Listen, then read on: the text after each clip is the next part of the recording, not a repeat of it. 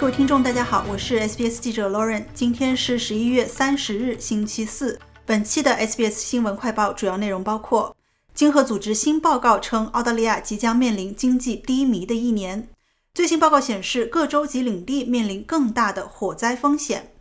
政府提交国防贸易管制修正案，以限制军事技术分享。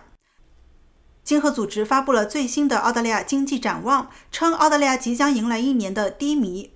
经合组织表示，如果通货膨胀问题持续下去，或中国经济出现下滑，澳大利亚的经济增长甚至可能更为疲软。该智库预计，较高的利率和通货膨胀将对住房投资产生影响，同时对没有大额储蓄缓冲的家庭支出构成压力。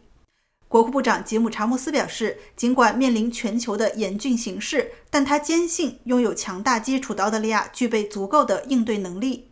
Now, we're not getting carried away about these very welcome and very encouraging inflation figures. 对于目前的通货膨胀数据，我们并未过分乐观。我们知道这些月度数据可能会有波动，也明白通货膨胀仍然过高。澳大利亚人面临相当大的压力，因此，昨日澳大利亚统计局、德勤、今日经合组织以及西太银行等机构发布的数据，充分肯定了政府的经济战略，这十分令人鼓舞。根据季节性丛林大火展望报告，澳大利亚的各个州和领地都处于高度戒备之中。国家火灾和紧急服务委员会表示，近年来的大雨实际上导致了更多的植被生长，使得进行防火措施变得更加困难。该报告指出，澳大利亚各地的燃料负荷将继续干燥，包括2019至2020年黑夏丛林大火受灾的一些地区。报告指出，昆州、新州和北领地的大部分地区面临的风险最大，而塔州、维州、南澳和西澳的某些地区风险也很大。紧急管理部长莫里瓦特表示，这一前景清晰地提醒所有澳大利亚人需要做好充分的准备。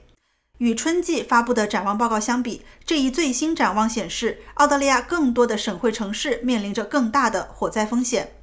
此外，由于许多澳大利亚人在新冠疫情之后进行搬迁，更多的人可能并不太熟悉如何为当地的山火和热浪做好准备。有关当局敦促民众提高对当地火灾风险的意识，更新避险计划，准备好应急和疏散工具包。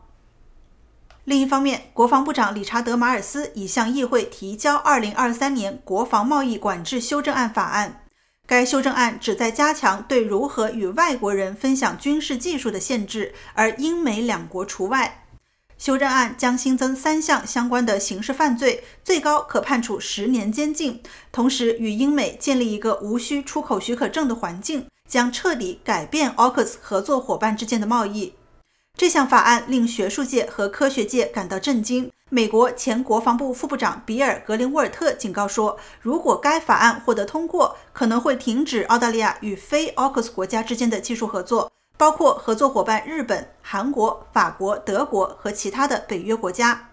马尔斯部长则称，该修正案为澳大利亚安全的关键要素。It aims to prevent military goods and technologies from being transferred to foreign. 它的目标是防止以损害澳大利亚利益的方式将军事物品和技术转让给外国个人或实体。